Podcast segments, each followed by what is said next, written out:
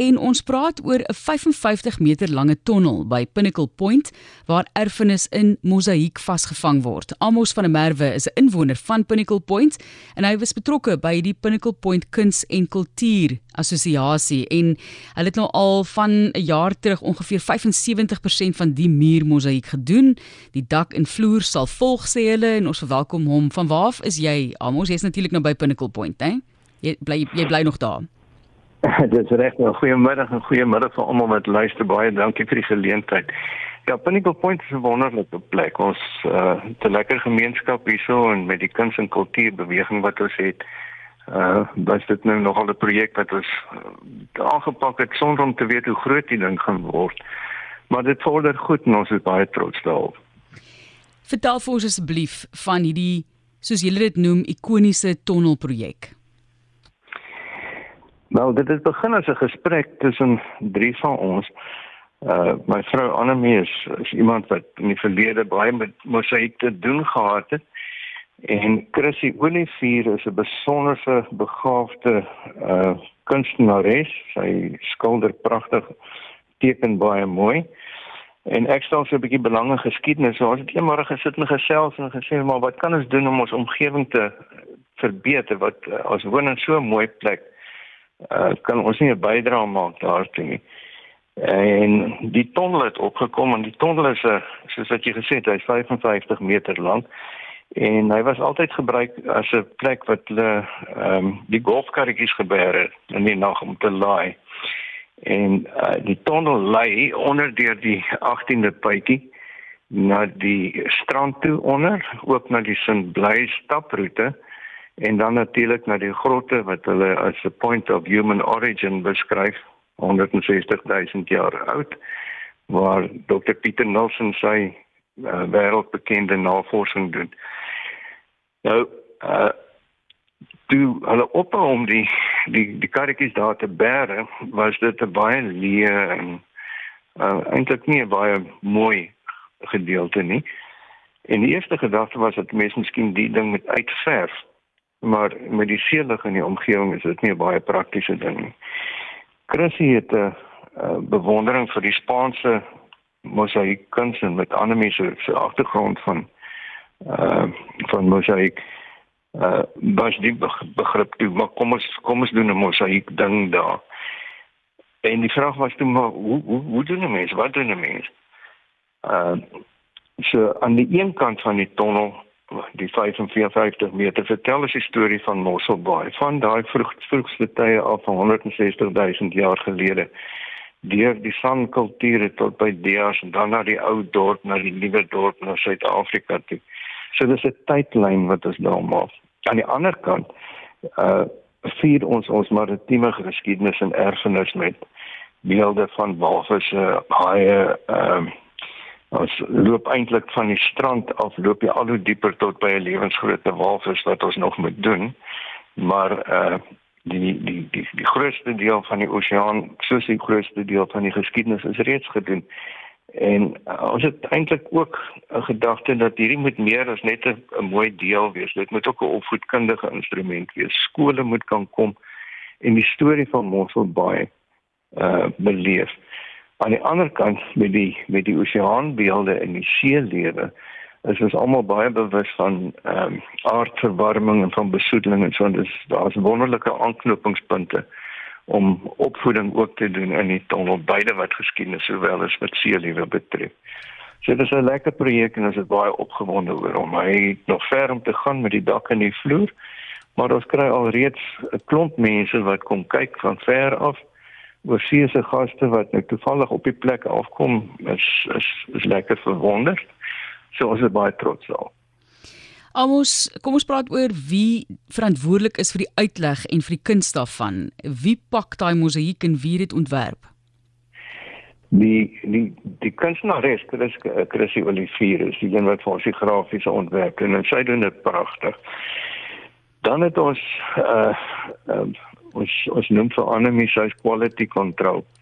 Sy besluit of 'n ding goed genoeg is of nie want ons dring daarop aan dat dit regtig waar dit moet uh, dit moet 'n uh, 'n pragtig wees as dit voltooi is.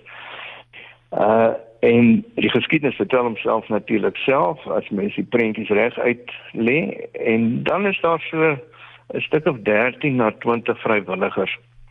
Die 13 wat ek van praat is mense wat baie baie gereeld daar is en dan is daar so 'n klompie wat minder gereeld daar aankom. Uh en dit is interessant om te sien hoe die kunswerk verbeter het van waar ons begin het soos dat die mense meer en meer en ons is nou seker baie omtrent amper 50 meter 47 meter wat ons gedoen het met klein teeltjies wat party van die teeltjies moet jy tot 20 keer knip om die regte vorm te kry. So die die kunswerk verbeter soos wat ons aangaan en uh, dit uh, is eintlik baie sigbaar as 'n mens daar afstap hoe hoe die die verlede eintlik mooier weer word soos wat ons in die tyd terugloop.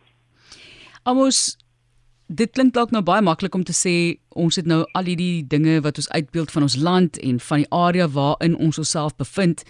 Maar nou wonder ek hoe dit gegaan in daai vergaderings waar daar besluit moet word wat jy uitbeeld. Hoe het julle dit reg gekry om saam te stem oor wat gedoen moet word en wat uitgelaat moet word? Ek is jammer ek vra net die vraag want ek dink dis eintlik 'n is 'n antwoord hopelik van hoop van jou kant af want mense kan maar baie stry oor hierdie tipe van goed en daar's soveel stories wat vertel moet word. Ek dink dit is altyd moeilik om hierdie besluite te neem. Wat word verteenwoordig en wat word uitgelaat indien enigsins hopelik is daar genoeg spasie om almal se versoeke tentoon te stel, maar hoe daardie proses gewerk? Ja, ek ek dink omdat ek het 'n redelike liefde vir geskiedenis en ehm uh, tussen die klomp van ons, die drie van ons eintlik uh was daar baie gou konsensus oor wat 'n mens kan doen. Uh ons hou natuurlik ons vergaderings gewoonlik oor 'n bottel wyn wat natuurlik dit baie makliker maak om saam te stem met mekaar. Maar op die ou end is dit 'n pragtige storie. Mense kan nie die hele geskiedenis van Mosselbaai uitdeel nie. Daar's soveel van die manrous van, van van die verlede in die die die die skoenfabriek in in Grootbrak en, en dinge wat mense kon uitgebeeld het, maar daar's net nie genoeg plek nie. So ons konsentreer regtig net op Mosselbaai en sy omgewing. Uh en in die in die ou dorp uh sal 'n mens nou byvoorbeeld 'n gebou kies. Jy gaan nie al die geboue probeer uitbeeld die ou kerke en die sandsteun geboue nie. Ja, uh, die gebou wat ons gekies het is die ou Towns House wat die munisipaliteit gehuisves het van 1879 af tot 1975 toe. 'n Pragtige ou gebou. Ehm um, en dan sit jy natuurlik met die skoenmonument van die met, by die posboom. Uh, daar's nie wat jy nie kon uitlos nie, maar uh, daar is 'n klompie goeders wat miskien ook kon bygekom het. Miskien kan 'n mens dit op die vloer, op die dak of elders nog inwerk, maar om die hele storie te vertel is net omtrent onmoontlik. Maar as jy hom sou kom besoek en dit gaan jy baie welkom. Dan dink ek gaan jy jy gaan regtig terug kan stap in tyd en sê my wêreld, Mosselbaai, wat 'n wonderlike plek. En op daardie noot gaan ek vir jou vra waar mense dalk aanlyn bietjie kan kyk daarna. Ek wil altyd hê mense moet gaan en dit self besigtig, maar dalk kan hulle nie self daar kom nie. So het jy 'n webblad wat van die foto's tentoonstel?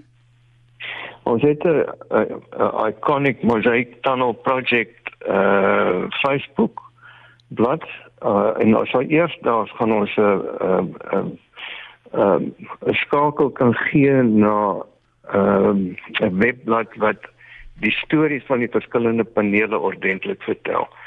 Uh die gedagte is juist dat wanneer 'n mens by die tonnel aankom en hy ken nie die storie nie, dan kan hy sy slimfoon daarby wat hulle noem 'n button hou en op die foon word dan die hele storie afgelaai. Dis 'n 'n skakel na webtuiste toe met die inligting.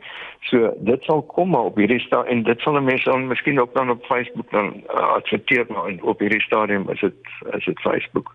Fantasties. Ons sê vir jou baie dankie en ons sien uit na die finale produk wat mense daar kan geniet en natuurlik ek dink ook baie toerisme gaan lok. Amos van der Merwe is 'n inwoner van Pinnacle Point en hulle is betrokke by die Pinnacle Point Kuns en Kultuur Assosiasie en ons het gepraat oor die as jy dit wil gaan Google, dit gaan makliker wees. Jy gaan dit in Engels kry, the Iconic Tunnel Project. So gaan kyk gerus. Ek het nog gekyk na van die fotos en is so so mooi wat hulle daar gedoen het. Pragtig uitgelê. Dis nie 'n grap om hierdie besluite te neem nie. Hier is 'n vuurtoring wat in daai area is wat baie mooi met musiek neergelê is en natuurlik die fauna en flora wat tentoongestel is, ons landsvlag. So gaan dit voort, 'n mooi kerkie daarso met 'n begrafplaas langs aan 'n paar koeie. is ook ingesluit. Gaan loer gerus. Ek sien ook 'n donkie wat daarso ehm um, ek dink klippe dalk sleep met 'n bouproses, maar dit is daardie fantastiese projek. Gaan kyk gerus aanlyn. Ek is seker jy sal alreeds 'n paar foto's kan sien.